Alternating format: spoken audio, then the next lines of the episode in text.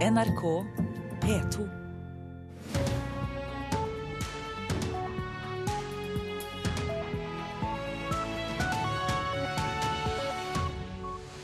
Dette er Nyhetsmorgen med Øystein Heggen i studio. Vi fortsetter med mer om at den tidligere konsernsjefen i Telenor, Jon Fredrik Spaksås, innrømmer å ha holdt tilbake informasjon i Stortingets kontrollhøring.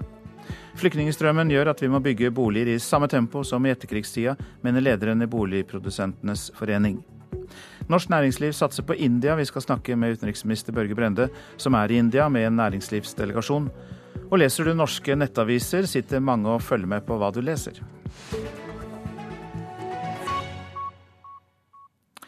Som vi hørte i Dagsnytt, Venstres Abid Raja er ikke overrasket over innrømmelsene fra tidligere Telenor-sjef Baksås. Den tidligere konsernsjefen Telenor innrømmer nå at han holdt tilbake informasjon i Stortingets kontrollhøring om mulig korrupsjon i selskapet VimpelCom. En høring som fant sted 14. januar. Jeg anser det eh, som viktig at Stortinget får fyllestgjørende og korrekt informasjon.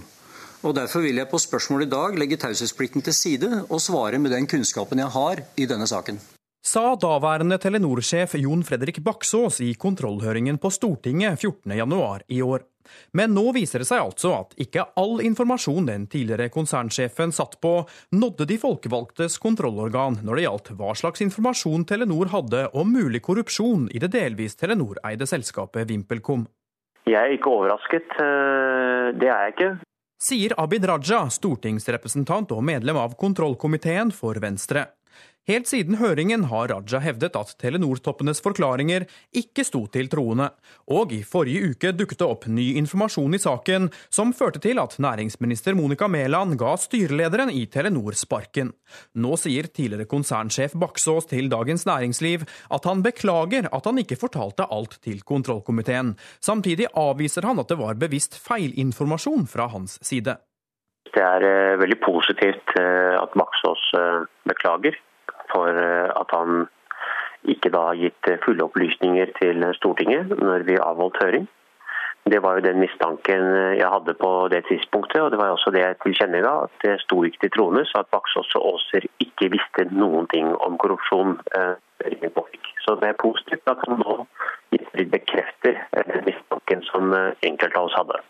Kontrollkomiteens leder, Martin Kolberg fra Arbeiderpartiet, er svært skuffet over de tidligere Telenor-toppenes opptreden. Jeg vil svare igjen på den måten at de kunne snakket fyllestgjørende til Stortinget og til regjeringen på det tidspunktet hvor de hadde all informasjon.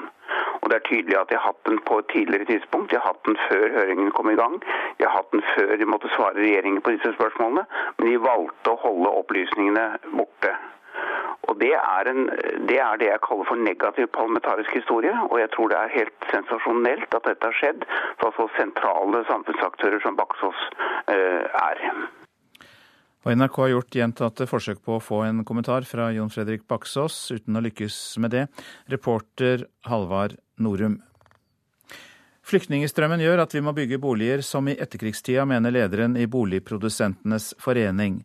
Bare i forrige uke kom det over 2300 asylsøkere til Norge, og kommunalministeren kaller nå boligbransjen inn til et hastemøte for å finne ut hvordan nye boliger til flyktninger kan bygges billig og raskt. Det er ingen god situasjon eh, for en som skal bo i Norge og bo for lenge på et eh, mottak. Det aller beste for alle det er at man raskt eh, får en kommune å bo i.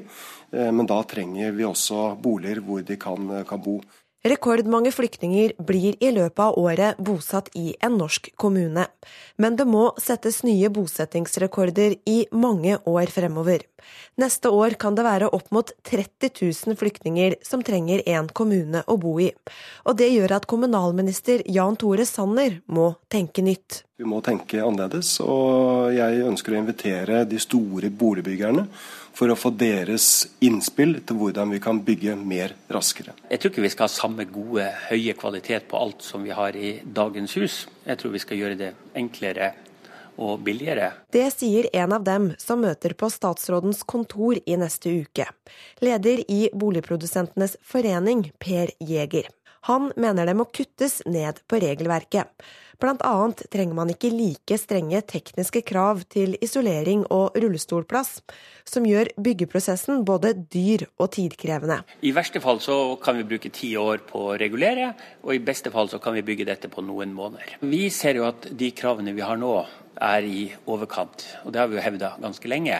Men når vi nå skal ut og bygge, så må vi kunne f.eks. gå tilbake til teknisk forskrift i 97. Det vil kreve en enorm dugnadsinnsats. Og Jeger tror det kan være lurt å tenke som vi gjorde da landet skulle bygges opp etter andre verdenskrig. Vi skulle flytte veldig mange mennesker tilbake til Nord-Norge. Da tok Norge fatt i det, og så gjorde man det med gjenreisningsaktiviteten som var. Da hadde man et system for det. Og jeg tror man egentlig trenger litt av det samme nå, og da tror jeg vi klarer det. Reporter det var Anne Mone Nordahl. 34% av befolkningen syns det er greit at ungdommer drikker alkohol før de er 18 år, viser en undersøkelse fra avholdsorganisasjonen Av og til. I går fortalte NRK om politiet i Asker og Bærum som mener foreldre er naive, som ikke tror at ungdommer drikker alkohol.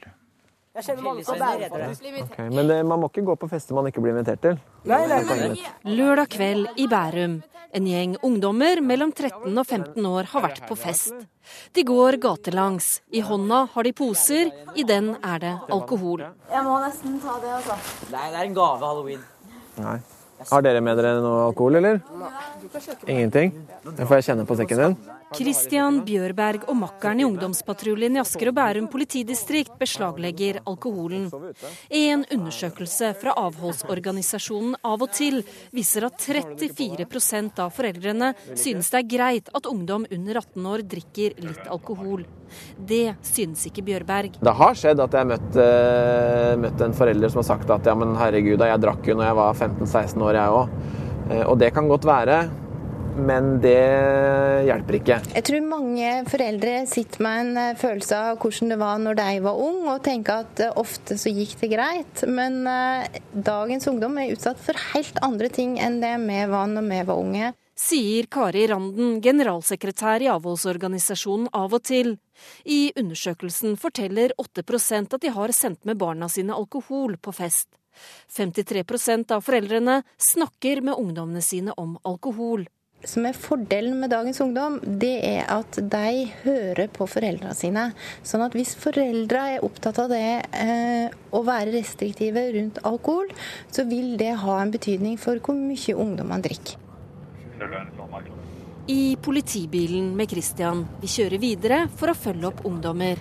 Og Forskning viser jo at hvis du sender med ungen din da, eh, to sider i den tro om at det, det, betyr at han bare drikker de to siderne, da. Så er det er ikke riktig. Det du sier da, er at det er greit at du, gutten min, drikker alkohol. Eh, og det gutten da gjør, er at man drikker gjerne da mer. Så det skal være helt tydelig, tenker jeg, fra foreldrene og ned til barna sine at det er ikke greit å drikke alkohol når man er under 18 år. Og reporter her, det var Ellen Omland. Mulighetenes marked heter det gjerne, og i India nå ser norsk næringsliv på mulighetene i et stort marked. Utenriksminister Børge Brende, du er i India med en næringslivsdelegasjon. og Hvordan er interessen der for norske etableringer? Den er veldig stor. Det er jo allerede 90 norske bedrifter som er etablert eh, i India. Og det er titusenvis av arbeidsplasser som er knytta til norsk næringsvirksomhet. Men vi kan utnytte det indiske markedet mye mer, og derfor så er jo dette en stor dag òg for Norge her i Mumbai. Ja, for dere etablerer et nytt generalkonsulat eh, nettopp i Mumbai. Og er det ene og alene pga. Eh, bidrag og hjelp til næringslivet? Det er jo for å markere at Norge prioriterer India. Det er en av de største økonomiene i verden. Og den raskest voksende av de store økonomiene. Slik at Norge må eh, være her, ikke minst for å ivareta norske arbeidsplasser og norske bedrifter, men òg mye bredere. India er verdens største eh, demokrati og et land som vil bety mer og mer på den internasjonale arenaen fremover. Og Norge hadde eh, et eh, generalkonsulat i Mumbai frem til 1973. Det var faktisk eh, Norges, en av Norges eldste utenriksstasjoner. Den ble oppretta i 1857, men nedlagt i 1973. Det var kanskje ikke det klokeste trekket vi har foretatt. Så nå gjenåpner vi den for å bidra til å styrke norske næringslivssatsinger òg, men å vise at Norge er til stede både kulturelt, økonomisk og politisk i India. I dag eh, står jo uh, VimpelComs uh, eierskap i, eller Telenors eierskap i VimpelCom, det russiske selskapet, i fokus nok en gang. Og er det slik at norske selskaper kan unngå å havne oppi korrupsjon i India, Børge Brende? For det, er jo også et av de landene som er blitt beskyldt for korrupt næringsliv. Eh, Norge har en nulltoleranse når det gjelder eh, korrupsjon. Selskaper som eh, vil og skal gjøre det bra internasjonalt, som er børsnoterte rundt omkring i verden, må selvsagt forholde seg til de strengeste etiske regler. Derfor har vi også laga nylig en handlingsplan som vi framla for noen uker siden, med retningslinjer for norsk næringsliv. Det er riktig at India, som mange fremvoksende økonomier, har eh, sine utfordringer eh, når eh, det gjelder den type spørsmål. Men de som skal være langsiktige i et marked, skal selvsagt forholde seg til det som er det riktige etiske sporet. Til slutt, Brende. Menneskerettigheter og likestilling står også på ditt program. Det er helt riktig. Eh, I går eh, møtte jeg med nobelprisvinner eh, Satyarthi i New Delhi. og det var en, selvsagt en inspirerende samtale som vanlig, men ikke minst gledelig. For nå er det for første gang like mange jenter og, som går på skole i India som gutter forholdsmessig. Og vi vet at en god utdanning eh, er den beste kampen mot barnearbeid, som det dessverre er eh, mye av i dette landet fortsatt.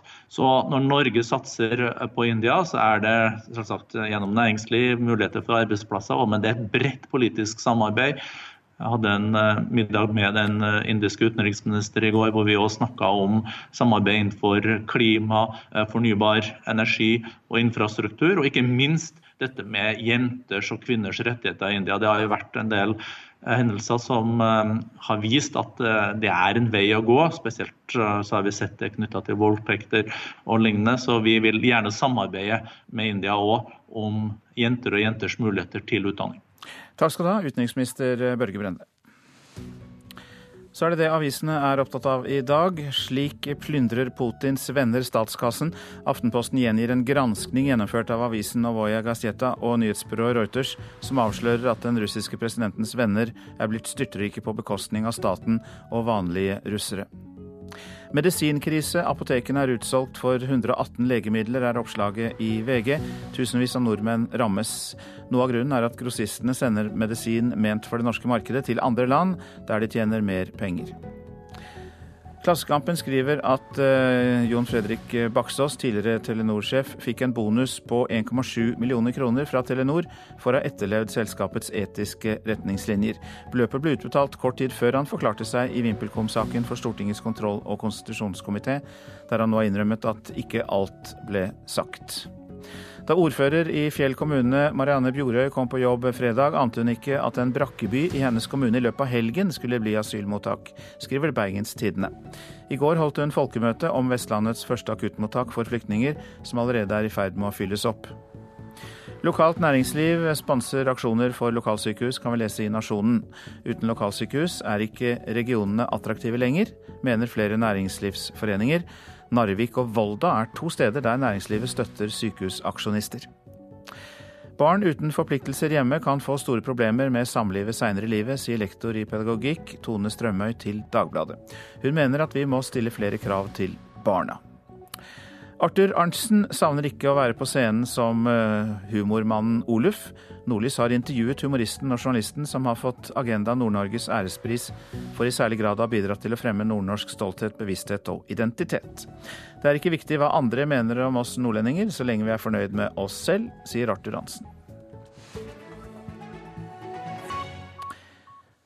Nå om Tom Høgli, som er usikker på om han får tilbake plassen på landslaget til omspillkampene mot Ungarn. I går var han tilbake i spill for klubblaget FC København etter ryggbruddet. for fem uker siden.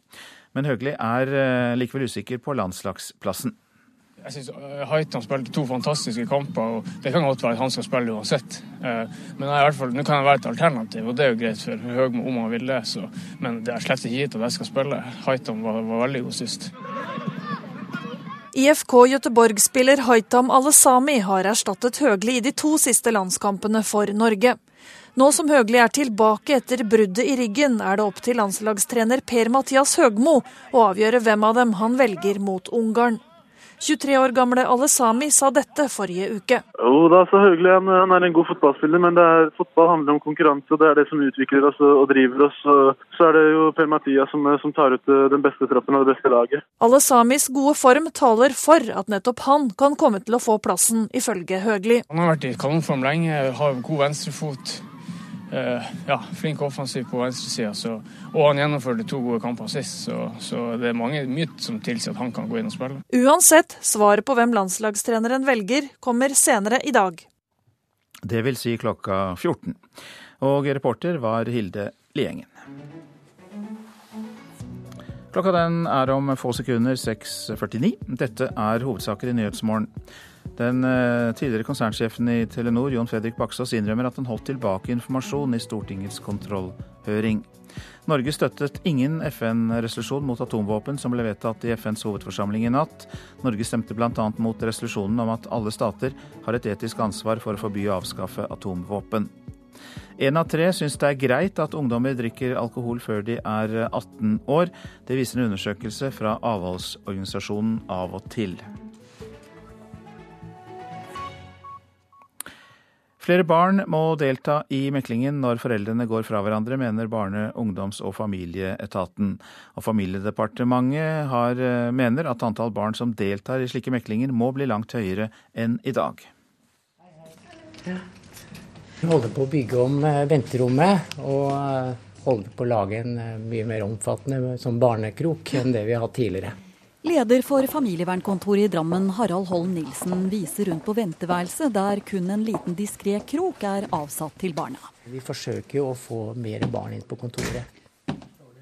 Mange familievernkontor her i landet jobber aktivt for at barna skal være med på meklingen i større grad. Det er veldig få foreldre i dag som benytter seg av et tilbud om å ta med barna i første meklingstime. Målet med meklingen er å komme fram til gode avtaler om barna og barnas framtid. Og da er det jo slik at barna må i den prosessen bli hørt, og deres stemme må bli hørt. Johan Lindstrøm og kona har tre barn sammen. De har vært i mekling, men som mange andre ektepar går de alene. Nei, jeg har ikke med noen barn. Hadde det vært aktuelt å ha med f.eks. den på syv år i mekling? Det hadde vært uaktuelt. Hvorfor det? Det kan eh, være både på godt og vondt å gå i mekling. Det kan være mye følelser, mye vondt og mye tristhet og mye vanskelige spørsmål som man må ta stilling til. Og da syns jeg ikke barn bør være til stede. Familievernkontoret i Drammen behandler 2000 saker i året. Kun i 10% av disse sakene er barna involvert direkte og får være med på kontoret. I tida framover vil familievernkontor oppfordre foreldre som skal til mekling, om å ta med seg barna. Der hvor det er hensiktsmessig, og det er i veldig mange tilfeller, så ønsker jeg å oppfordre de til å ta med barna på mekling. Vi må tørre å, å trekke de med på en helt annen måte, og ikke tenke at de bare skal, eh, de skal bare bli med på lasset. Harald Holm Nilsen var det, leder for familievernkontoret i Drammen. Og reporter Karoline Bekkelund Hauge. Norske medier har vært for ensidige i dekningen av Rolfsen-saken, mener Minerva-skribenten Lars Akkerhaug.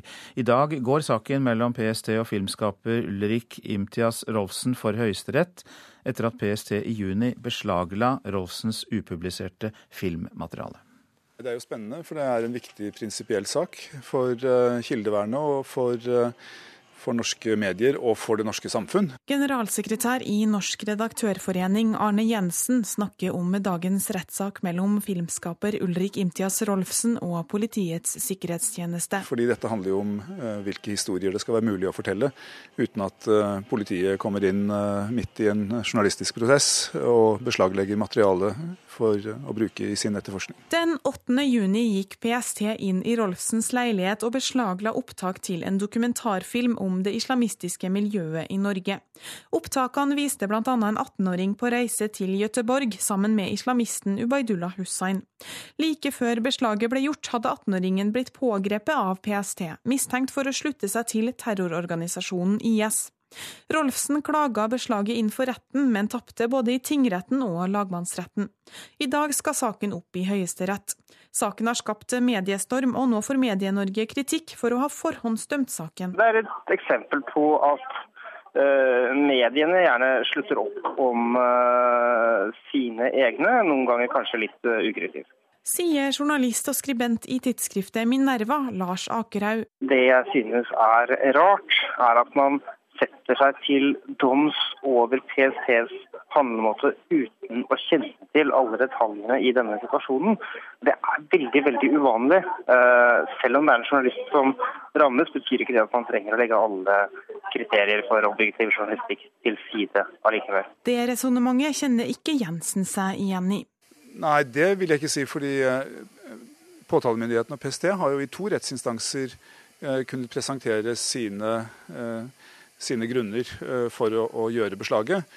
Og etter mitt syn, og det er jo selvfølgelig da igjen en subjektiv vurdering, så mener jeg at det eh, som de har presentert det nå, ikke er tilstrekkelig til å si at man kan bryte et veldig viktig prinsipp i et demokratisk samfunn, nemlig at, eh, at mediene skal kunne beskytte kildene sine.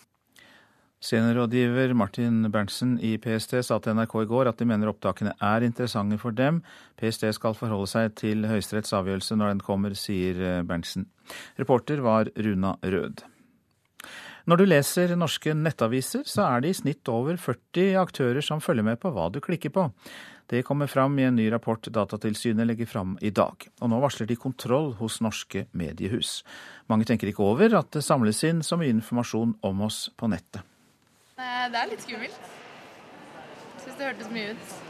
Du føler på, mange, på en måte noen sitter over skulderen din og, og ser på det du gjør og tar notat. Studentene på Blindern i Oslo er overraska over hvor mange som følger med når de surfer på internett. Datatilsynet har kartlagt forsidene til seks norske nettaviser og funnet ut at det i snitt er 43 ulike aktører som samler inn informasjon om hva du gjør på maskin. Det er alvorlig, mener direktør i tilsynet Bjørn Erik Thon. Det er i seg sjøl eh, et stort problem at eh, det er ikke bare ett selskap, men mange selskaper som vet veldig mye om oss.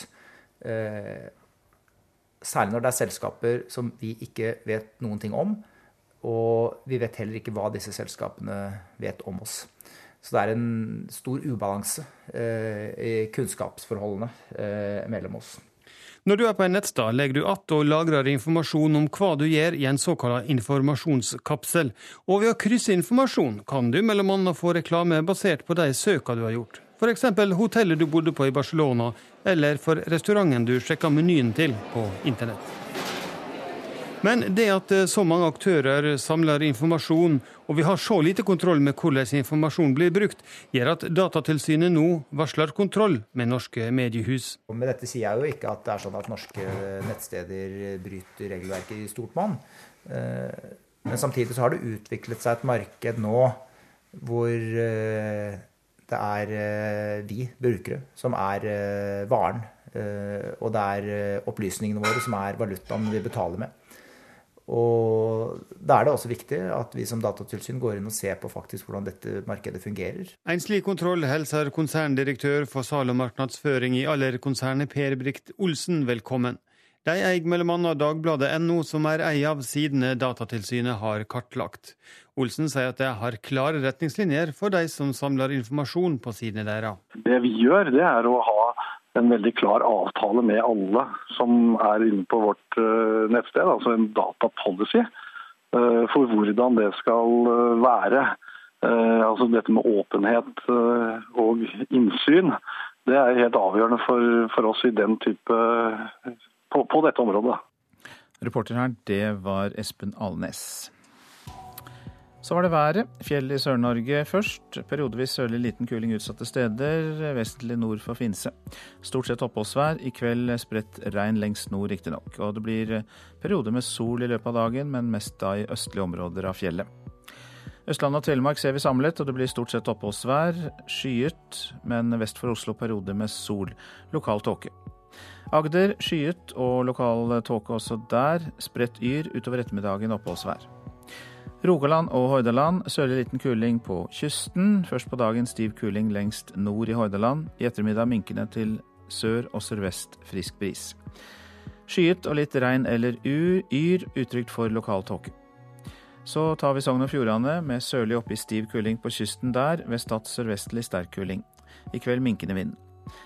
Skyet, perioder med regn og yr. I kveld økende nedbørsintensitet, vesentlig i nord.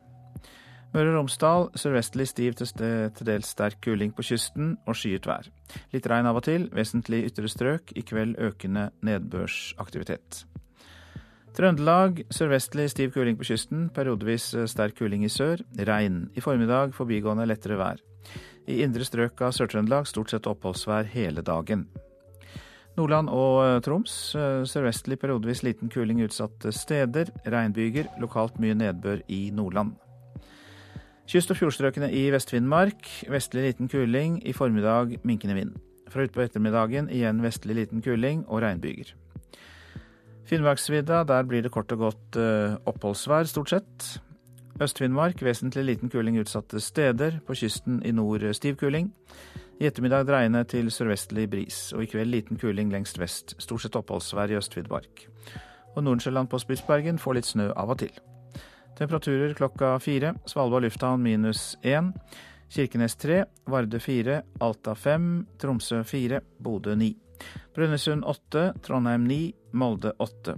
Bergen og Stavanger begge 10, Kristiansand-Kjevik 8, Gardermoen 6, Lillehammer 3 grader, Røros minus 1 og Oslo pluss 4. NRK P2.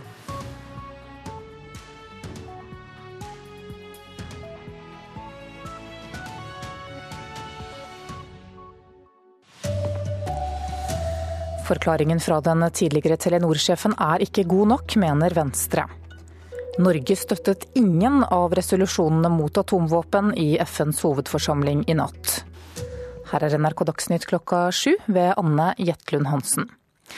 Venstres Abid Raja godtar ikke unnskyldningen fra den tidligere konserndirektøren i Telenor. Jon Fredrik Baksås sier at han holdt tilbake informasjon om VimpelCom-saken fordi han trodde den var taushetsbelagt. Teleselskapet VimpelCom er mistenkt for bestikkelser i forbindelse med kjøp av lisenser i Usbekistan. Telenor eier en tredjedel av VimpelCom-aksjene, og ledelsen måtte derfor møte i Stortingets kontroll- og konstitusjonskomité i januar jeg anser det eh, som viktig at Stortinget får fyllestgjørende og korrekt informasjon. I går beklaget tidligere konsernsjef Jon Fredrik Baksås for at de holdt tilbake informasjon under denne høringen. Han skylder på at de ikke var klar over at de kunne dele informasjonen, da de trodde den ble ansett som taushetsbelagt av utenlandske myndigheter. Det er en bortforklaring, mener Abid Raja. Så ble Baksås flere ganger eh, gjort oppmerksom på at han kan be om at dørene lukkes så har man eh, valgt allikevel å holde seg taus om opplysningene, til tross for at man fikk muligheten til å lukke dørene. Så det er en god forklaring eh, fra Baksås, men den er ikke god nok. Reporter var Sutet Monn.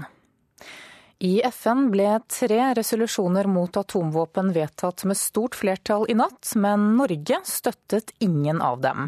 Både opposisjonen og andre kritikere mener dette er et brudd med tidligere praksis. Alle stater bør ha et etisk ansvar for å forby og avskaffe atomvåpen. Det var denne FN-resolusjonen nummer 37 Norge valgte å stemme nei til i natt. Utenriksminister Børge Brende hadde på førehånd sagt til NTB at det var uaktuelt å stemme for resolusjoner som ikke er i samsvar med alliansepliktene.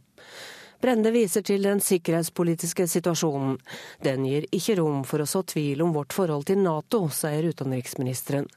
Norge avsto også for å stemme da resolusjonen om atomvåpnas humanitære konsekvenser ble behandla, og til en resolusjon om et humanitært løfte om å stigmatisere, forby og avskaffe atomvåpen. Han får nå kritikk fra flere hall, bl.a. Norsk Folkehjelp. Leder av utenrikskomiteen, Anniken Huitfeldt, sier at Børge Brende med dette bryter med opposisjonens uttrykte ønske om at Norge skal ha en pådriverrolle i kampen mot atomvåpen, og at resolusjon 37 ikke bryter med gjeldende regjering. Ja, det sa reporter eh, Sigrun eh, Slapgard. Du kan høre et intervju med Børge Brende i Nyhetsmorgen eh, litt senere. Det var NRK Dagsnytt. Nyhetsmorgen fortsetter med disse sakene. Foreldre til avdøde fremmedkrigere mener PST burde gjort mer for å hindre sønnene deres i å dra til Syria. Kripos frykter farlige kriminelle som infiltrerer arbeidsmarkedet, ber politikerne reagere. Sylvi Listhaug er provosert av Kjell Magne Bondevik, anklager Kristelig Folkeparti for godhetstyranni. 6000 fanger er løslatt i USA siden fredag. President Barack Obama vil gjøre det enklere for innsatte å komme tilbake til samfunnet. Foreldre til avdøde fremmedkrigere mener altså PST burde gjort mer for å hindre sønnene deres i å dra til krigen i Syria. Politiet i de mest belastede distriktene har nå mottatt over 300 bekymringsmeldinger om ungdommer som er i ferd med å bli radikalisert. Moren til Tom Alexander meldte også ifra, men opplevde at hennes bekymringsmelding ikke ble tatt på alvor. Når han var her siste gang, og da skulle vi bl.a. lage pizza, så han hadde hatt med og kjøpt med noe halal kjøttdeig og litt sånn forskjellig. Da sier han til meg også at ser du ikke at det er noe nytt med meg, da? Da hadde han jo tatt skjegg og ikke helt vanlige vestlige klær. Det hadde jo ikke jeg sett på et halvt år, i hvert fall. Moren tolket disse tegnene dit hen at han var på vei til Syria. Jeg kontakta PST, for jeg trodde vi hadde en dialog. At vi kunne prate sammen og prøve å forhindre at det skulle skje noe. Men til tross for at hun meldte fra, stoppet ikke PST Tom Alexander. Så syns jeg det blir veldig feil av myndighetene da, å gi han et pass. Også Isa Avdyli mistet en sønn i Syria. Politiet hadde muligheten å stoppe ham, men nei, de åpner døra. Vær så god, gå. PST-sjef Benedicte Bjørnland sier at det er ikke alltid de lykkes. Vi greier ikke å stanse alle, dessverre. Hvis vi skal kunne pågripe personer eh, og på den måten hindre de å reise ut i verden, så må vi ha skjellig grunn til å mistenke at eh, en straffbar handling er i ferd med å bli begått. Siden den gang har hele landet fått egne politikontakter som skal forebygge radikalisering. Over 300 bekymringsmeldinger har de mottatt i de sju mest belastede politidistriktene på Østlandet og i Hordaland. Noen bekymringer sjekkes raskt ut av politiet. Andre går videre til PST, forteller sjef Benedikte Bjørnland. Ikke nødvendigvis et veldig alvorlig tilfelle, men en grunn til å undersøke om noen kan ha en voldelig intensjon. Eh, vi arbeider jo hypotesebasert, og det skal være noe mer enn en vag bekymring før vi eh, har anledning til å registrere opplysninger, og ikke minst eh, før vi har anledning til f.eks. å bruke tvangsmidler mot personer. Hvor mange bekymringer de jobber med nå, kan hun ikke si bortsett fra at ni personer er siktet og varetektsfengslet så langt. For Tom Alexander er det for sent. Denne videoen er det siste livstegnet moren fikk fra Syria. Nå skal jeg ta en liten opptak til deg, mamma.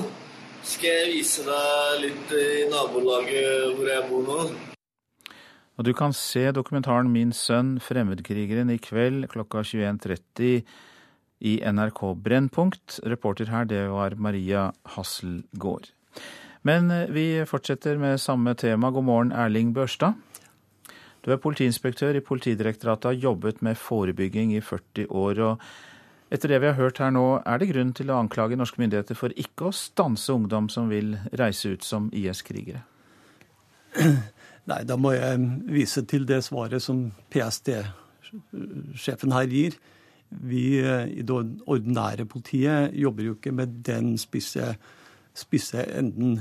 Eh, vi jobber jo med bekymringsmeldingene som kommer til det lokale politiet, som ofte er, er eh, vage bekymringer som, vi, som da politiet undersøker om det kan være en substans i. Mm. Og Da sender dere de eventuelt videre til PST? Ja, Der det er grunn til å, å ha en mistanke om at det kan ligge en voldelig intensjon i disse meldingene, så, så, går de videre til PST. Men det mm. er jo et fåtall av de meldingene som kommer, kommer inn. Hvem er det som kommer til dere med disse bekymringsmeldingene? Ja, I all hovedsak så kommer de fra samarbeidspartnere fra kommunale myndigheter, skoler, samarbeidsråd, gjennom politirådssamarbeid osv. Men det kan også være i noen grad fra enkeltpersoner, privatpersoner. Hva er det de da har oppdaget som har alarmert dem? Nei, Ofte så er det jo informasjon som fremkommer i sosiale medier. Eh, hvor de oppfatter et voldsforherligende budskap eller, eh, eller eh, sympatier for begåtte terrorhandlinger osv. Så, videre. så det er den type innhold som da vekker bekymring hos de som melder fra til politiet. Hvilke tiltak setter da dere i verk for å avklare og utrede dette? Ja, Vi iverksetter avklaringstiltak. Og det kan jo dreie seg om eh, i første rekke å sjekke denne informasjonen opp mot eh, eh informasjonen vi har, etterretningsinformasjon. Men også helt ordinære det vi kaller avklaringssamtaler, hvor vi tar en samtale med vedkommende. Eh, eller med nettverk og samarbeidspartner eller andre som kjenner til saken. Men som ikke som en straffesak, men som ren samtale. Men viser det seg da, etter det arbeidet dere legger inn, at det uh, nytter å forebygge? At det hjelper? Ja, det er helt klart det gjør. Fordi at selv om det ikke ligger en intensjon om, om, terror i disse meldingene, så vil det ikke bli lagt til side, side av den grunn. Det blir fulgt opp med bekymringssamtaler eh, etter politiloven, hvor det kan være bekymring om kriminalitet, omsorgssvikt, rusmisbruk osv. Så sånn at det blir håndtert. Og, og vi har jo jobba med forebygging, særlig på ungdomskriminalitet, over mange mange år. og har, Vi har jo lav ungdomskriminalitet i Norge, og det er ingen tvil om at forebygging virker. Helt på tampen, eh, hva er det man skal se etter hvis man eh, frykter eh, radikalisering blant ungdom? Ja, det, det er jo ingen ytre tegn man kan se etter, som bekledning og den type ting. Det er, som jeg sa, hovedsakelig gjennom sosiale medier og, og uttalelser som ofte på, på sosiale medier eh, ikke har den intensjonen som det først kan gi inntrykk av, men som gir allikevel grunn til å undersøke nærmere. Mange takk skal du ha, Erling Børstad. Som du er altså da politiinspektør i Politidirektoratet og jobber nettopp med forebygging av eh, det vi har nevnt her når det gjelder eh, bl.a. radikalisering.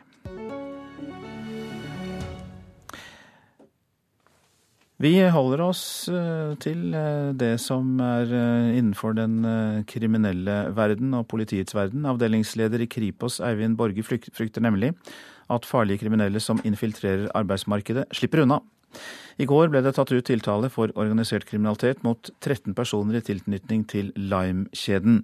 Nå vil Kripos at politikerne skal reagere, slik at de får satt inn bedre tiltak. Man snakker veldig mye om økonomisk kriminalitet, og det er absolutt mye økonomisk kriminalitet i det bildet vi snakker om. Men mot det vi faktisk advarer mest mot, som er disse tyngre miljøene som går inn i dette, der har jeg ikke foreløpig ikke sett uh, gode nok tiltak, etter, etter, min mening. Eivind Borge er avdelingssjef for taktisk etterforskning i Kripos. Han frykter de aller mest utspekulerte, de med vold og narkotikakriminalitet på CV-en. Det er de som finner på stadig nye kreative metoder for å svindle velferdsstaten for masse penger. Alarmen har for lengst gått. Nå ønsker Kripos at politikerne vier dette enda mer oppmerksomhet. Vi må i hvert fall sørge for at vi har dedikerte ressurser eh, over tid som står på en måte imot eh, og jobber mot eh, dette fenomenet. For selv om politiet har fått penger gjennom regjeringens strategi mot arbeidsmarkedskriminalitet i år, så holder ikke dette for å ta de virkelig tyngste miljøene, sier Borge. Her kreves det etterforskning over tid, og det kreves at vi bruker alle de tilgjengelige metodene politiet har. Og det er på en måte noe jeg ikke har sett politikerne prate om så langt. Foreløpig så har jeg sett mer i retning av kontroller og tilsyn, som er, som er bra, men det må mer til for å kunne demme opp for det, eh, ja, det vi definerer som den mest alvorlige delen av denne kriminalitetsformen. Reporter her, det var Ellen Borge Christoffersen. Hårek Elvenes, god morgen til deg. God morgen, god morgen. Du er stortingsrepresentant for Høyre og sitter i justiskomiteen. Og du har eh, engasjert deg mye i dette. Derfor er du her. Eh, er vi for naive? Om vi er for naive, det skal jeg ikke svare kategorisk på. Men at en del store fisker går fri, det er hevet over enhver tvil. Det viser seg gang på gang at eh, skal man kunne klare å oppklare disse typer saker, så er det to forutsetninger som må være til stede. En god samhandling mellom politiet og kontrolletatene, dvs. Si Arbeidstilsynet, skatt eh, med flere. Og så må det være en skikkelig etterretning. Regjeringa har jo styrka eh, samhandling mellom disse etatene med 25 millioner i inneværende år til flere lokale og regionale prosjekt som har gitt resultat.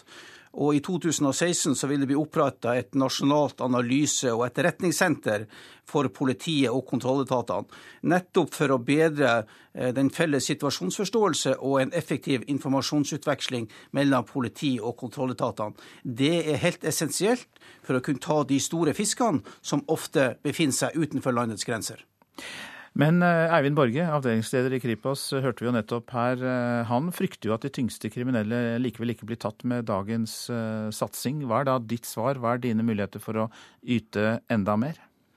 Nå skal jo norsk politi omorganiseres. Stortinget har jo vedtatt en politireform der man reduserer fra antall, antall politidistrikt fra 27 til 10. Det vil gi eh, langt sterkere etterforskningsmiljø.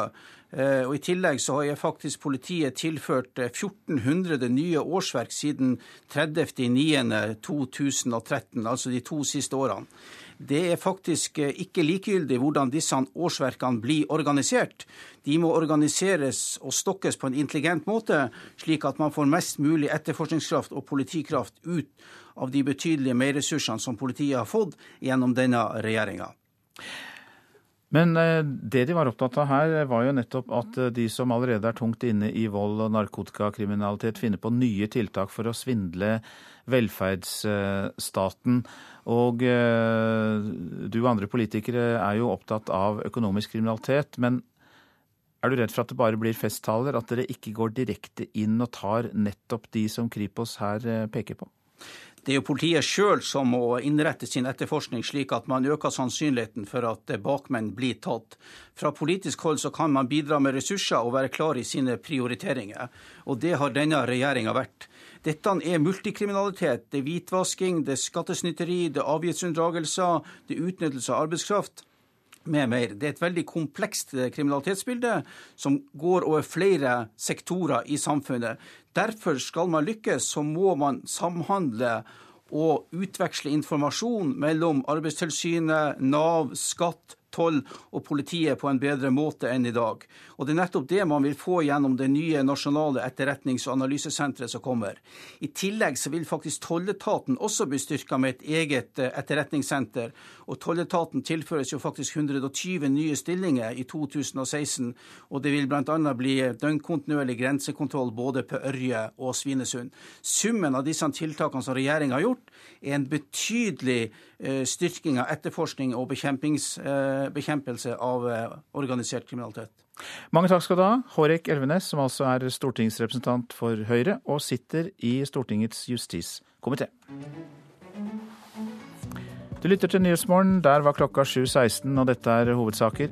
Den tidligere konsernsjefen Jon Fredrik Baksås i Telenor innrømmer at han holdt tilbake informasjon i Stortingets kontrollhøring. Han sier til Dagens Næringsliv at han trodde informasjonen var taushetsbelagt. Foreldre til avdøde fremmedkrigere mener PST burde gjort mer for å hindre sønnene deres i å dra til Syria. Og vi eh, skal høre at 6000 fanger er løslatt i USA siden fredag. President Barack Obama vil gjøre det enklere for innsatte å komme tilbake til samfunnet. Frp-topp Sylvi Listhaug er mektig lei av det hun kaller godhetstyranni i flyktningedebatten. Hun mener at de som ønsker en streng innvandringspolitikk fremstilles som de slemme, mens alle de andre er snille og gode. Jeg reagerer på dette godhetstyranniet som eh, rir det norske samfunnet. Listhaug mener debatten om hvordan asylveksten skal håndteres, preges av at alle som tar til orde for innstramminger og kutt, blir stempla. Som usolidarisk og som, eh, ja, som fæle folk, da. Det er særlig to stykker som har kissa på seg sentralstyremedlemmet i Frp i det siste. Jeg tenker på Kjell Magne Bondevik, på Helga Byfuglin, som er sjef for biskopene i Norge. Hvis vi tar biskopen først. Fredag sa Byfuglin at det var uverdig at regjeringa ville ta over 4 milliarder kroner fra langsiktig bistand, og heller bruke det på å finansiere flyktningtiltak her hjemme. Jeg ble rett og slett eh, ganske opprørt. fordi at det hun gjør, det er å kaste seg inn i den politiske debatten, ta side. Lørdag var det KrF-veteran Kjell Magne Bondevik som provoserte Listhaug. I et intervju med Klassekampen sa han at han blir trist av at Frp kun snakker om innstramminger, og at det beste for flyktningpolitikken er at Frp holdes utenfor. Jeg syns det er trist, og det viser at man eh, mener sjøl at man er mye bedre enn andre. Mens det det handler om nå, det er at eh, vi må stramme inn hvis vi skal ha et velferdssamfunn i framtida. Men verken biskop Byfuglin eller tidligere statsminister Bondevik føler seg særlig truffet av kritikken. Ifølge Byfuglin er det på sin plass at kirka mener noen ting om hvordan bistandsmidlene brukes. Det kan ikke overraske noen, heller ikke Frp-politikeren, at eh, Kirken eh, har vært opptatt av å se til at vi kan lindre nød for de fattigste i verden. Også Bondevik avviser at han representerer en form for godhetstyranni i den norske debatten. Sylvi Listhaug må tåle å bli minnet om Norges uh, humanitære tradisjoner og forpliktelser, uten å ty til sånne lettvinte og usaklige karakteristikker. Ja, det sa Kjell Magne Bondevik til slutt der, reporter eh, Siv Sandvik. Og vi fortsetter med norsk politikk nå om et eventuelt asylforlik. Opposisjonen er klar til samtaler om et slikt bredt forlik, men Høyre og Fremskrittspartiet vil forankre prosessen i stortingsgruppene først. Det ble jo klart etter en drøy times møte i går. Frp og Høyre går tilbake til sine stortingsgrupper for å avklare hva de kan og vil snakke med de andre om. Og politisk kommentator her i NRK, Magnus Takvam, hvor krevende øvelse snakker vi om for regjeringspartiene nå? Det er klart at eh, selve situasjonen med den eh, enorme tilstrømmingen av flyktninger som eh, Norge og andre europeiske land opplever, er i seg selv en veldig krevende situasjon å lede fra regjeringsposisjon.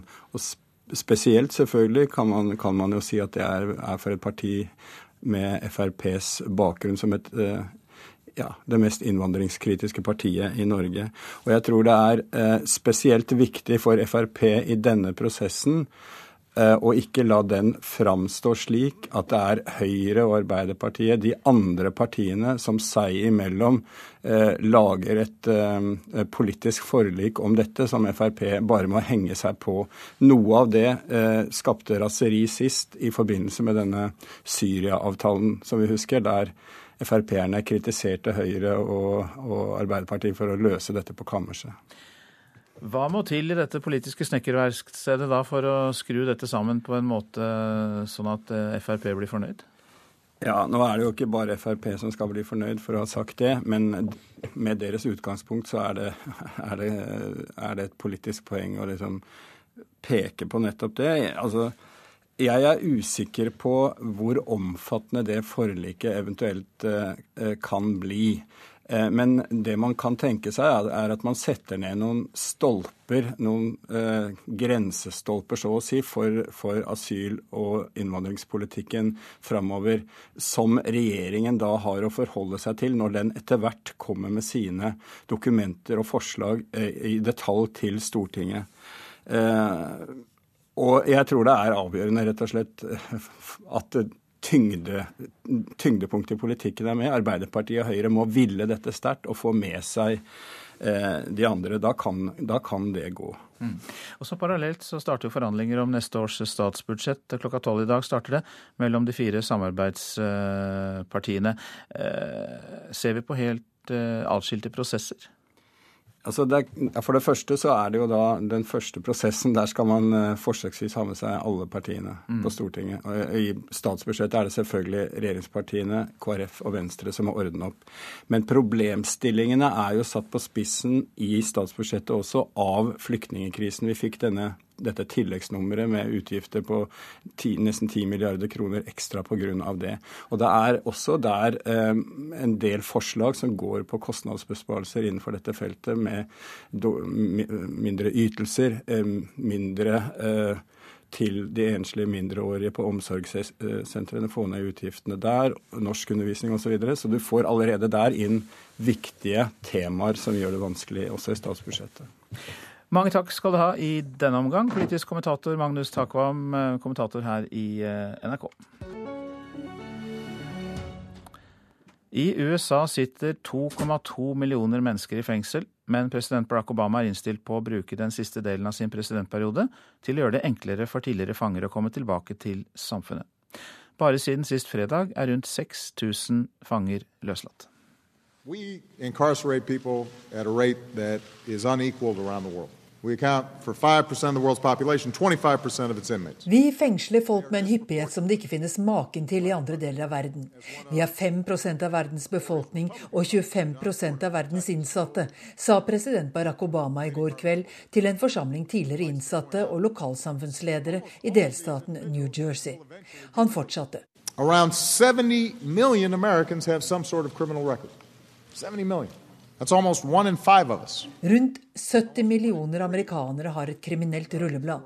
Det er nesten én av fem borgere og bortimot én av tre i arbeidsfør alder.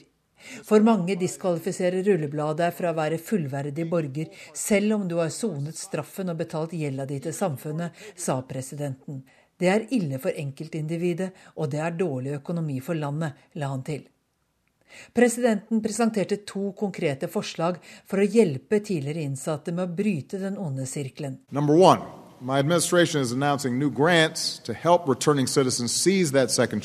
For det første vil administrasjonen opprette nye støtteordninger for borgere som gjør det enklere for dem som kommer ut, å gripe sjansen gjennom utdanning, arbeidstrening, boligstøtte og hjelp med eventuelle barn. Dessuten vil jeg forby spørsmål om du er tidligere straffet i søknadspapirer til attraktive jobber i nasjonale offentlige institusjoner. Et feilgrep i fortiden skal ikke bety at døra er stengt før vi engang har sett på søkerens kvalifikasjoner, sa presidenten.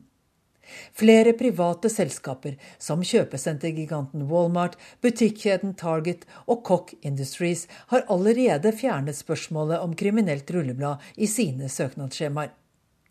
Det er dessuten tilløp til tverrpolitisk enighet om at straffene for ikke-voldelige narkotikaforbrytelser og andre bør ned. I begge kamre i Kongressen diskuteres nå forslag om kriminalpolitiske reformer som skal føre til færre innsatte og mer fokus på å hjelpe fanger som kommer ut, tilbake til et normalt liv. Men det gjelder ikke ulovlige innvandrere. 1780 av de 6000 som blir løslatt i disse dager, er merket deportasjon. Groholm, Washington. Så litt om det avisene har på dagsorden. Slik plyndret Putins venner statskassen. Aftenposten gjengir en granskning gjennomført av avisen Novaja Gazetia og nyhetsbyrået Reuters, som avslører at den russiske presidentens venner er blitt styrtrike på bekostning av staten og vanlige russere. Medisinkrise. Apotekene er utsolgt for 118 legemidler, er oppslaget i VG. Tusenvis av nordmenn rammes. Noe av grunnen er at grossistene sender medisin ment for det norske markedet til andre land, der de tjener mer på dem. Klassekampen skriver at Jon Fredrik Baksås fikk en bonus på 1,7 millioner kroner fra Telenor for å ha etterlevd selskapets etiske retningslinjer.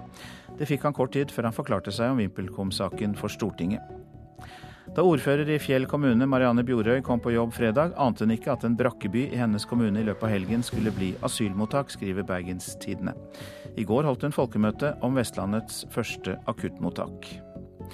Lokalt næringsliv sponser aksjoner for lokalsykehus, kan vi lese i Nasjonen. Uten lokalsykehus er ikke regionene attraktive lenger, mener flere næringslivsforeninger. Narvik og Volda er to steder der næringslivet støtter sykehusaksjoner. Barn uten forpliktelser hjemme kan få store problemer med samlivet seinere i livet, sier lektor i pedagogikk Tone Strømøy til Dagbladet. Hun mener at vi må stille flere krav til barna. Mange blåser i dekkreglene, mener politiet som varsler flere kontroller. Fra 1.11 skal dekk på personbiler ha en mønsterdybde på minst 3 mm. Det gjelder også sommerdekk, noe ikke alle har fått med seg. Vi har jo et her som er veldig dårlig. Eh, vi kan jo på en måte se at det er kanskje rundt 3-4 millimeter, og da er det jo helt i grenseland. Og da er det lurt å bytte. Sommerdekket er slitt gammelt og så dårlig at det ikke hadde gått gjennom i en kontroll, forteller daglig leder ved dekksenteret i Fredrikstad, Kai Christian Rognstad. Fra 1.11 må også sommerdekkene ha en mønsterdybde på minst 3 millimeter. Det har ikke alle fått med seg. Det tror jeg ikke. Eh, jeg har vært flink til å prøve å dele det litt på Facebook, og sånn, sånn at folk eh, ser det. Eh, men jeg tror ikke det er så veldig mange som er klare over det. Politiet varsler nå at de vil trappe opp antall kontroller. Spesielt fordi mange bevisst unngår å bytte dekk, mener Stein Olav Rødberg, sjef for utrykningspolitiet i Østfold, Follo og Romerike. Ja, det vi ser fra år til år, det er at mange prøver å slite ned disse sommerdekkene så mye som mulig. og Det betyr at da har du jo enda dårligere uh, veigrep enn du ville hatt på et, uh, et ordentlig, uh, ordentlig piggfritt dekk f.eks. Det er egoistisk, mener han. Jeg syns det er særdeles kall gjerne egoistisk, fordi at det går jo utover mange andre også hvis du da ikke klarer å stoppe eller du ikke klarer å svinge unna. Da kan du jo risikere at du både skader andre, men at det blir da materielle skader i alle fall.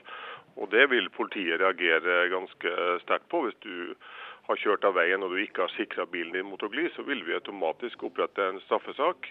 Og er det grovt nok, så tar vi også førerkortet. Kjører du rundt på slitte dekk, kan du få en bot på minimum 750 kroner per hjul, og i verste fall miste sertifikatet hvis du havner i en ulykke. Dårlige dekk har nemlig mye å si for hvordan du kjører. Det påvirker egentlig alt. Eh, jeg merker jo nå på tørt føre òg at det kan være glatt. Og spesielt når kulda kommer og isen og snøen kommer, så merker man det veldig godt på bremselengde og så klart i sving. Til slutt der hørte vi Kai Christian Rangstad ved Dekksenteret i Fredrikstad, reporter Anette Torjussen. Du lytter altså til Nyhetsmorgen, produsent i dag Eli Bjelland, her i studio Øystein Heggen. Er det fare for kupp i Venezuela, eller er det bare noe presidenten sier fordi han frykter valgnederlag? Det er tema i reportasjen etter Dagsnytt. Trygdeytelsen arbeidsavklaringspenger er tema for debatten i Politisk kvarter mellom Arbeiderpartiet og Venstre. Venstre vil nemlig kutte i disse ytelsene.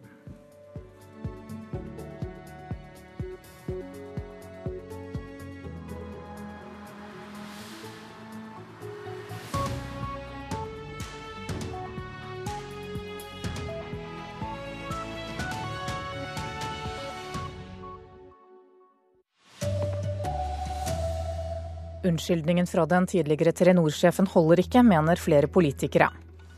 Hvorfor gjorde ikke politiet mer for å stoppe sønnene våre fra å dra til Syria? Det spør foreldre til avdøde fremmedkrigere. Politiet hadde muligheten å stoppe ham, men nei, de åpner døra. Vær så god, gå. Og én av tre voksne godtar at ungdom drikker alkohol før de er 18. Her er NRK Dagsnytt klokka 7.30 ved Anne Jetlund Hansen.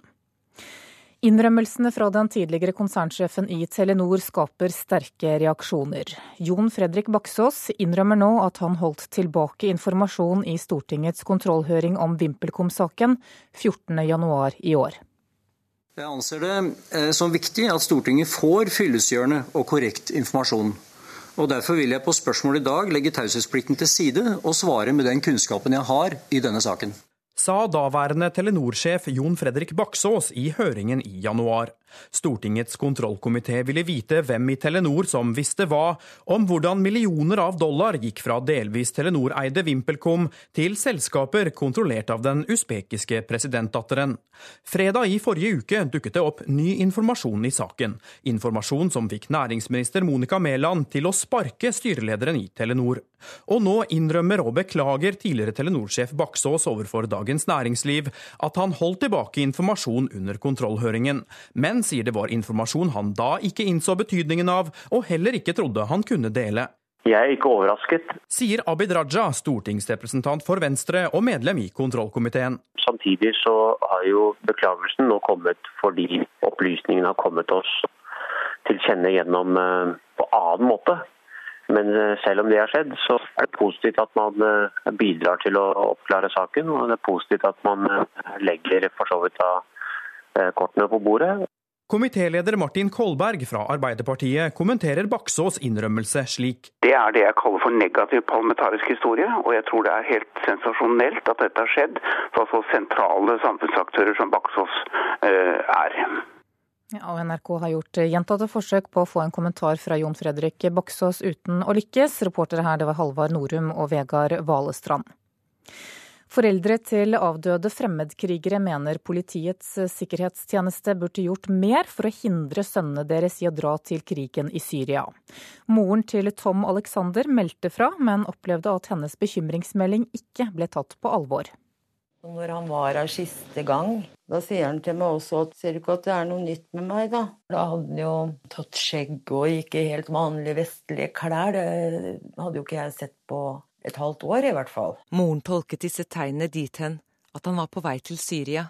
Jeg kontakta PST, for jeg trodde vi hadde en dialog. Men til tross for at hun meldte fra, stoppet ikke PST Tom Alexander. Så syns jeg det blir veldig feil av myndighetene da, å gi han et pass også Isa Avdyli mistet en sønn i Syria. Politiet hadde muligheten å stoppe ham, men nei, de åpner døra. Vær så god, gå. PST-sjef Benedicte Bjørnland sier at det er ikke alltid de lykkes. Vi greier ikke å stanse alle, dessverre. Siden den gang har hele landet fått egne politikontakter som skal forebygge radikalisering. Over 300 bekymringsmeldinger har de mottatt i de sju mest belastede politidistriktene på Østlandet og i Hordaland. Noen bekymringer sjekkes raskt ut av politiet, andre går videre til PST, forteller sjef Benedikte Bjørnland. Ikke nødvendigvis et veldig alvorlig tilfelle, men en grunn til å undersøke om noen kan ha en voldelig intensjon, før vi eh, har anledning til å registrere opplysninger, og ikke minst eh, før vi har anledning til f.eks. å bruke tvangsmidler mot personer. Hvor mange bekymringer de jobber med nå, kan hun ikke si bortsett fra at ni personer er siktet og varetektsfengslet så langt. For Tom Alexander er det for sent. Denne videoen er det siste livstegnet moren fikk fra Syria. Nå skal jeg ta en liten opptak til deg, mamma. Skal jeg vise deg litt i nabolaget hvor jeg bor nå? Ja, Det blir mer om dette i Brennpunkt i kveld. Reportere var Marie Hasselgaard og Atta Ansari skal vi høre at eh, farlige kriminelle som infiltrerer arbeidsmarkedet slipper unna. Det frykter avdelingsleder Eivind Borge i Kripos. I går ble 13 personer i tilknytning til butikkjeden Lime tiltalt for organisert kriminalitet, og Borge mener politikerne ikke har satt inn gode nok tiltak. Man snakker veldig mye om økonomisk kriminalitet, og det er absolutt mye økonomisk kriminalitet i det bildet vi snakker om. Men mot det vi faktisk advarer mest mot, som er disse tyngre miljøene som går inn i dette, der har jeg ikke foreløpig ikke sett uh, gode nok tiltak, etter, etter, min mening. Eivind Borge er avdelingssjef for taktisk etterforskning i Kripos. Han frykter de aller mest utspekulerte, de med vold og narkotikakriminalitet på CV-en. Det er de som finner på stadig nye kreative metoder for å svindle velferdsstaten for masse penger. Alarmen har for lengst gått. Nå ønsker Kripos at politikerne vier dette enda mer oppmerksomhet. Her kreves det eh, etterforskning over tid, og det kreves at vi bruker alle de tilgjengelige metodene politiet har. Og det er på en måte noe jeg ikke har sett politikerne prate om så langt. Foreløpig så har jeg sett mer i retning av kontroller og tilsyn, som er, som er bra, men det må mer til for å kunne demme opp for det, eh, ja, det vi definerer som den mest alvorlige delen av denne kriminalitetsformen. Reporter var Ellen Borge Christoffersen. Hårek Elvenes er stortingsrepresentant for Høyre og sitter i justiskomiteen, og han sender kritikken tilbake. Det er jo politiet sjøl som må innrette sin etterforskning slik at man øker sannsynligheten for at bakmenn blir tatt. Fra politisk hold så kan man bidra med ressurser og være klar i sine prioriteringer. Og det har denne regjeringa vært. Skal man lykkes, så må man samhandle og utveksle informasjon mellom Arbeidstilsynet, Nav, skatt, toll og politiet på en bedre måte enn i dag. Da skal vi tilbake til at utenriksminister Børge Brende altså får kritikk for at Norge ikke fulgte flertallet da FNs hovedforsamling vedtok tre resolusjoner mot atomvåpen i natt. Alle stater bør ha et etisk ansvar for å forby og avskaffe atomvåpen. Det var denne FN-resolusjonen nummer 37 Norge valgte å stemme nei til i natt. Utenriksminister Børge Brende hadde på førehånd sagt det var uaktuelt å stemme for resolusjoner som ikke er i samsvar med alliansepliktene. Norge avsto også for å stemme da resolusjonen om atomvåpnas humanitære konsekvenser blei behandla, og til en resolusjon om et humanitært løfte om å stigmatisere, forby og avskaffe atomvåpen. Han får nå kritikk fra flere hall, bl.a. Norsk Folkehjelp. Leder av utenrikskomiteen, Anniken Huitfeldt, sier at Børge Brende med dette bryter med opposisjonens uttrykte ønske om at Norge skal ha en pådriverrolle i kampen mot atomvåpen. Brende avviser ei så absolutt oppsummering. Først må jeg understreke at det er 60 resolusjoner man skal ta stilling til når det gjelder nedrustning. Og Norge støtter som tidligere i år aktivt opp om flere FN-resolusjoner som fremmer målet om en verden uten kjernevåpen. Men de tre resolusjonene som du nevnte, er utforma på en slik måte at ingen Nato-land kunne stemme for de. Reporter her var Sigrun Slappgard. Én av tre synes det er greit at ungdom drikker alkohol før de er 18 år. Det viser en undersøkelse fra avholdsorganisasjonen Av og til. Jeg kjenner mange som bærer på det. Okay, men det, man må ikke gå på fester man ikke blir invitert til? Nei, nei, nei. Lørdag kveld i Bærum. En gjeng ungdommer mellom 13 og 15 år har vært på fest. De går gatelangs. I hånda har de poser, i den er det alkohol. Jeg må nesten ta det, altså. Har dere med dere noe alkohol, eller? Christian Bjørberg og makkeren i ungdomspatruljen i Asker og Bærum politidistrikt beslaglegger alkoholen. En undersøkelse fra avholdsorganisasjonen Av og til viser at 34% av foreldrene synes det er greit at ungdom under 18 år drikker litt alkohol. Det synes ikke Bjørberg. Det har skjedd at jeg har møtt en forelder som har sagt at ja, men herregud, jeg drakk jo når jeg var 15-16 år, jeg òg. Men det hjelper ikke. Dagens ungdom er utsatt for helt andre ting enn det vi var når vi var unge. Sier Kari Randen, generalsekretær i avholdsorganisasjonen Av og til. I undersøkelsen forteller 8% at de har sendt med barna sine alkohol på fest. 53% av foreldrene snakker med ungdommene sine om alkohol. Som er Fordelen med dagens ungdom det er at de hører på foreldrene sine. Sånn at Hvis foreldre er opptatt av det eh, å være restriktive rundt alkohol, så vil det ha en betydning for hvor mye ungdommene drikker. Reporter var Ellen Omland, og ansvarlig for NRK Dagsnytt, Anne Skårseth.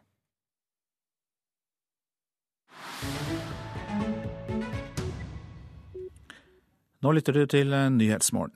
Venezuelas president Nicolas Maduro beskylder opposisjonen for å planlegge et kupp i forbindelse med parlamentsvalget om en drøy måned.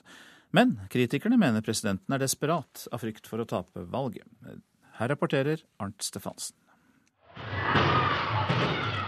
En rasende menneskemengde prøver å bane seg vei inn i en matvareforretning i Venezuelas hovedstad Caracas. Sultne og desperate mennesker mister besinnelsen etter å ha stått flere timer i kø for å få kjøpt nødvendige matvarer. Det er mangel på alt i Venezuela. Matvarer, forbruksvarer og medisiner. Og så snart det dukker opp varer i en forretning, danner det seg lange køer. En aquel tiempo uno compraba al gusto que uno quisiera. Tidligere kunne vi gå i butikken og kjøpe det vi trengte, men nå er hyllene tomme, forteller husmoren Amaya Martinez i Caracas. Venezuelas mye omtalte revolusjon for det 21. århundre er havnet i en hengemyr av matmangel, vold og korrupsjon. Inflasjonen nærmer seg 200% narkotikatrafikken øker dramatisk, og regjeringen har den siste tiden gjort seg skyldig i alvorlige grensekrenkelser mot to av Venezuelas naboland. Politisk kommentator Jairo Libreros mener situasjonen er uhyre dramatisk. Denne såkalte revolusjonen skal jo i første rekke beskytte de svakeste, men millioner av fattige mennesker her i Venezuela er i øyeblikket i en desperat situasjon, der de bruker all tid og krefter på å skaffe seg det mest nødvendige til livets opphold. Mange lever også i dyp frykt for volden som har eksplodert de siste årene. Dette er Nicolas Maduro, president i Venezuela og etterfølger etter sosialistregimets far, Hugo Chávez. Maduro tar ingen selvkritikk for den dramatiske situasjonen i landet, men anklager høyreopposisjonen, støttet av USA, for å sabotere og undergrave økonomien. Og han beskriver opposisjonslederen Enrique Capriles på følgende måte.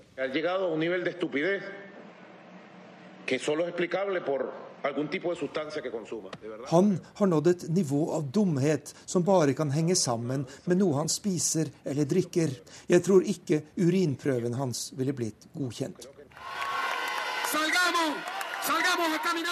I fjor vår eksploderte misnøyen med sosialistregimet i voldsomme demonstrasjoner over hele Venezuela. Mer enn 40 mennesker ble drept, og en av lederne for protestene ble dømt til 14 års fengsel. Nå må vi bevare roen, sier opposisjonsleder Enrique Capriles.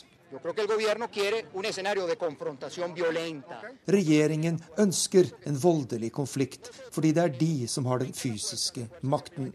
Men det store flertallet av folket støtter oss, og hvis vi organiserer oss godt, holder sammen og bruker gode argumenter i stedet for vold, så kan vi fjerne dette regimet, sier Enrique Capriles fra opposisjonsbevegelsen Demokratisk enhet.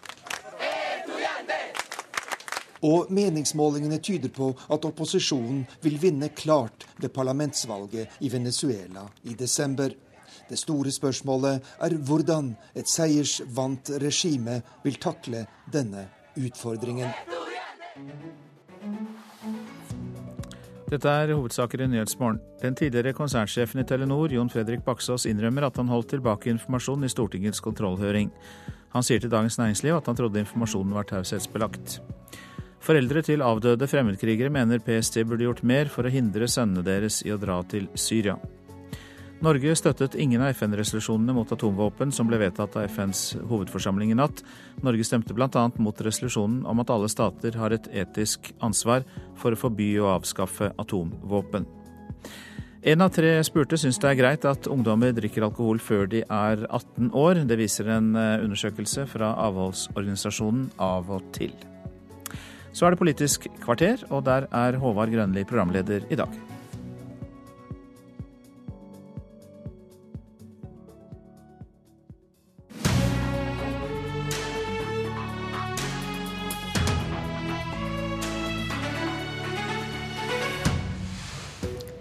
Venstre vil bruke mindre oljepenger og berge bistanden. Da må det kuttes kraftig andre steder. Hva vil to milliarder i innsparinger på arbeidsavklaringspenger ha å si? Norge støtter ikke atomvåpenforbud i FN-røysting i natt. Hvordan forklarer utenriksministeren det? Velkommen til Politisk kvarter tirsdag. I dag starter budsjettforhandlingene i Stortinget mellom de fire samarbeidspartiene. Med seg inn i forhandlingsrommet har Venstre sitt alternative budsjett som partiet la fram i går. I det budsjettet sier Venstre at eh, partiet vil bruke langt mindre oljepenger enn regjeringa, og de vil bevare det meste av bistanden som regjeringa vil ta bort. Da må partiet finne innsparinger andre steder, og ett forslag er å justere grensa for hvor lenge en kan få arbeidsavklaringspenger. Den er i dag på fire år. Venstre vil sette den til tre år. Dette er penger som gir deg inntekt når du har sykdom eller skade og har behov for hjelp fra Nav for å komme i arbeid. Når en da kutter lengden fra fire til tre år, sparer en staten for utgifter på 2,2 milliarder, står det i budsjettforslaget. Stortingsrepresentant Sveinung Rotevatn, hvordan sparer en så mye penger på det? Det gjør en jo gjennom at eh, folk eh, i stedet for å gå et siste år på arbeidsavklaringspenger, Eh, heller begynner å arbeide, eventuelt blir eh, sendt over til uføretrygd. Eh, formålet med arbeidsavklaringspenger er jo nettopp å få den avklaringa. Altså det er inntektssikring som skal være der når en er usikker på en eh, Nav-bruker. Og da er jo formålet at en skal finne ut om de har ei framtid i arbeidslivet, eller om de eh, bør over på uføretrygd, eller en kombinasjon av det.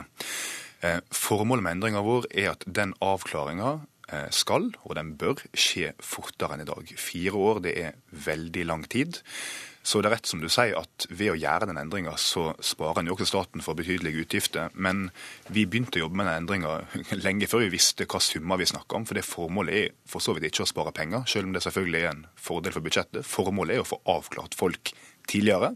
Og det håper og tror vi at den endringa med å stramme inn fra fire til tre år vil bidra til. Så forutsetninga er at uh når de fleste som da får arbeidsavklaringspenger på fjerde året, heller er i arbeid, så sparer staten eh, penger på det? Ja, det gjør staten. 2,2 milliarder har vi fått beregna fra Finansdepartementet. Og det er selvsagt midler som en kan bruke på andre nyttige tiltak. Ikke minst nyttige da, tiltak for å sørge for at folk blir friske og holder seg i jobb. Men for, da forutsetter du at folk som går på ei støtteordning på det fjerde året, faktisk kommer i jobb uh, automatisk, da?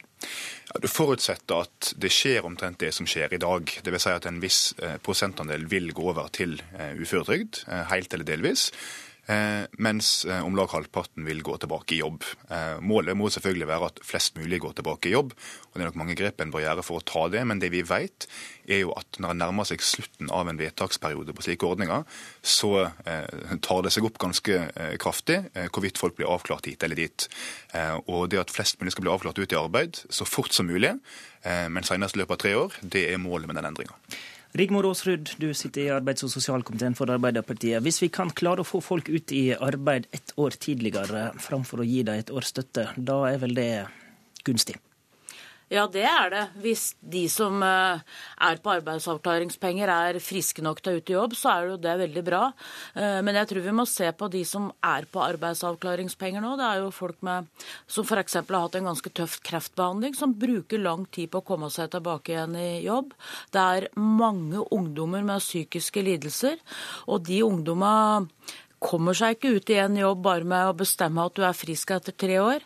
Så det å bruke penger på de ungdommene som gjør at de kan komme ut i arbeidslivet varig, tror vi er mye mer fornuftig enn å sette en ny frist for når du skal bli frisk igjen. Hva mener du er konsekvensen av Rotevatn sitt forslag, da? Ja, Det tror blir mange som kommer til å måtte gå over på andre typer ytelser, som eh, ikke kommer seg ut igjen i fast arbeid. Jeg tror det kommer til å bli et større press på å komme seg på uføreordninger tidlig. Eh, for det, med det arbeidsmarkedet som vi har nå også, så viser jo forskning at når det er god tilgang på arbeidsplasser, så er det lettere for folk å prøve seg ut i arbeidslivet. Nå er vi i hvert fall i en situasjon der det er ganske tøft på arbeidsmarkedet. Og da viser jo forskning og resultater fra de som har vært på arbeidsavklaringspenger, at det er vanskeligere å komme seg i arbeid. Og da kan jo flere eh, bli uføretrygda på livstid enn hvis vi klarer å holde dem i gang med arbeidsmarkedstiltak i en lengre periode. Det kan ikke gjøre at flere kommer på uføretrygd etter da? Um, ikke ut fra de tallene vi har sett. Formålet er at det skal bli avklart tidligere. Men det er jo riktig som Aasrud sier, at uh, en del som går lenge på arbeidsavklaringspenger, er typisk for at de er gjennom krevende medisinsk behandling. Men nå har vi jo også... Og da kommer du jo ikke i jobb et år tidligere av den grunn? Nei, men derfor så har vi jo unntaksregler. Ja, vi har unntaksregler fra fireårsregelen i dag. Du kan gå lenger dersom det er gode grunner for det.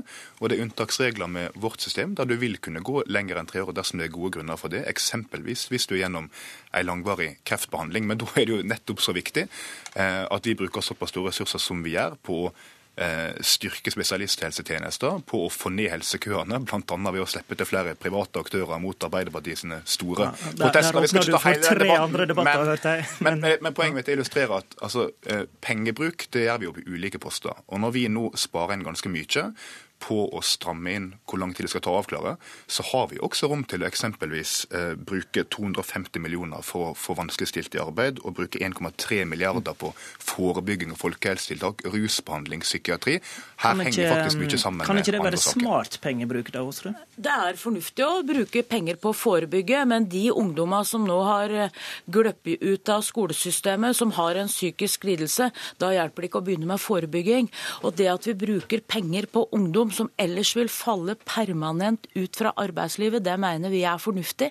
Hvis du får bare noen få av de ungdommene over i arbeidslivet, så er det vel verdt den innsatsen.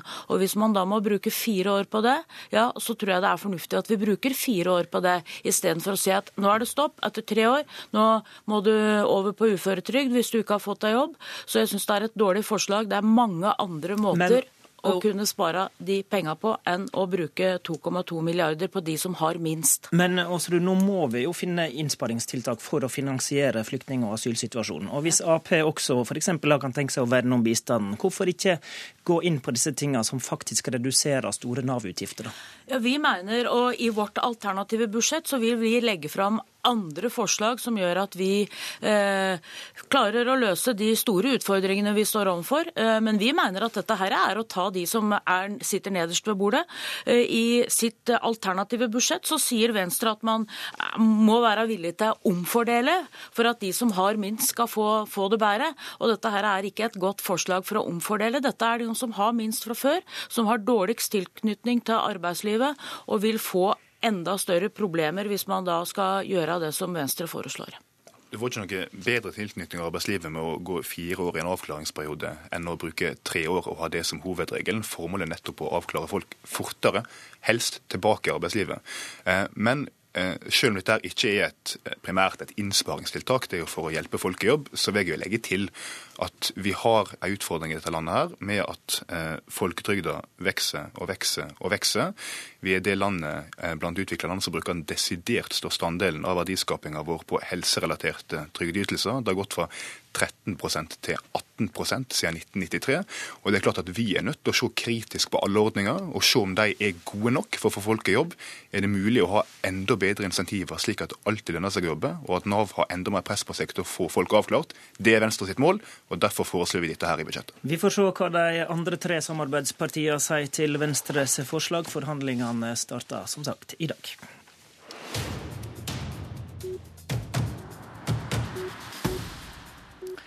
Tre FN-resolusjoner mot atomvåpen ble vedtatt med stort flertall av FNs hovedforsamling i New York i natt. Norge støtta ingen av resolusjonene, og vi stemte mot den som sier at alle stater har et etisk ansvar for å forby og avskaffe atomvåpen. Utenriksminister Børge Brende er i India. Politisk kvarter intervjua han tidligere i dag tidlig, og spurte hvorfor Norge stemte mot. Først må jeg understreke at det er 60 resolusjoner man skal ta stilling til når det gjelder nedrustning. Og Norge støtter som tidligere i år aktivt opp om flere FN-resolusjoner som fremmer målet om en verden uten kjernevåpen. Men de tre resolusjonene som du nevnte, er utforma på en slik måte at ingen Nato-land kunne stemme for dem.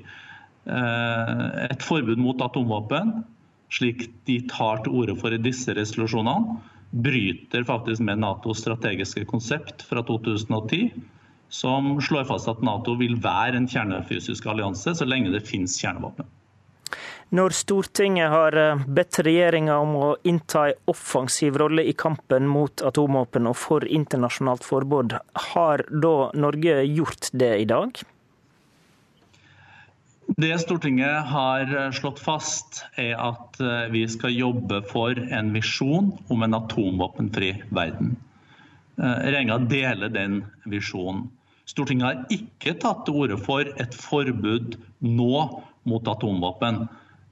Det som er klart, er at Norge som Nato-land kan ikke en situasjon som vi er oppe i nå, bryte med det som er grunnlaget for Natos eh, konsept, nemlig at Nato skal ha atomvåpen så lenge andre har eh, atomvåpen.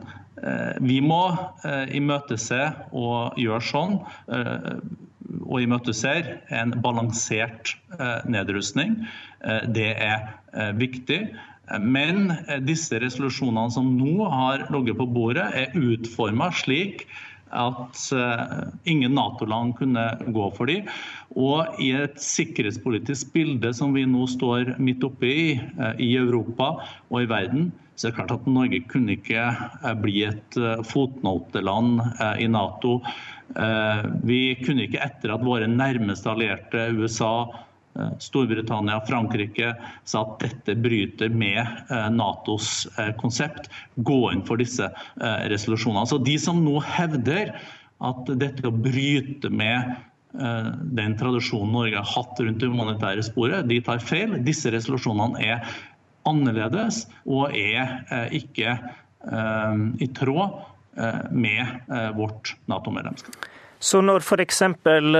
Lederen i utenrikskomiteen, Anniken Huitfeldt fra Arbeiderpartiet, mener at vi kunne stemt for dette uten at det var i strid med det vi forplikta oss til gjennom eh, Nato. Så tar hun feil? Det er iallfall eh, helt åpenbart at eh, alle Nato-land har gått imot disse resolusjonene. Nato-land har gått inn for resolusjoner som tar til orde for balansert nedrustning og visjonen om en atomvåpenfri verden eh, i fremtida. Vår vurdering er at de resolusjonene som nå lå på bordet, som det nå henvises til, de kan vi ikke stemme for. For Norge er det å være en solidarisk medlem av Nato, forholde seg til Nato-konseptet, helt avgjørende. Og vi kan ikke i den sikkerhetspolitiske situasjonen vi nå er i, eh, havne eh, i eh, en, en, en, situasjon hvor Norge som eneste Nato-land skal bryte ut av dette og stemme for resolusjoner som er i strid med Natos strategi og konsept. Ville det virke mot det langsiktige målet om eh, atomvåpenforbud der, da? Ja, altså vi, vi, kan ikke gå inn for et forbud uh, nå. Det som vi uh, jobber for, det er et humanitært uh, initiativ som ikke var polariserende, hvor man i fremtida kan se for seg Eh, en atomvåpenfri verden. Eh, men det må jo eh, være et balansert konsept. Hovedutfordringa i dagens situasjon er jo at vi ser at flere land er i ferd med å få atomvåpen. Vi må jobbe mer intenst mot spredning. Eh, vi er òg veldig bekymra for at ikke-statlige aktører kan eh, få fatt i eh, atomvåpen, og må jobbe mot det. Så det er viktige prioriteringer nå fremover. Har Norge stemt i tråd med holdningene som er vedtatt i Stortinget? Det har vi. Stortinget har ikke tatt til orde for et atomvåpenforbud her og nå. Hør flere podkaster på nrk.no podkast.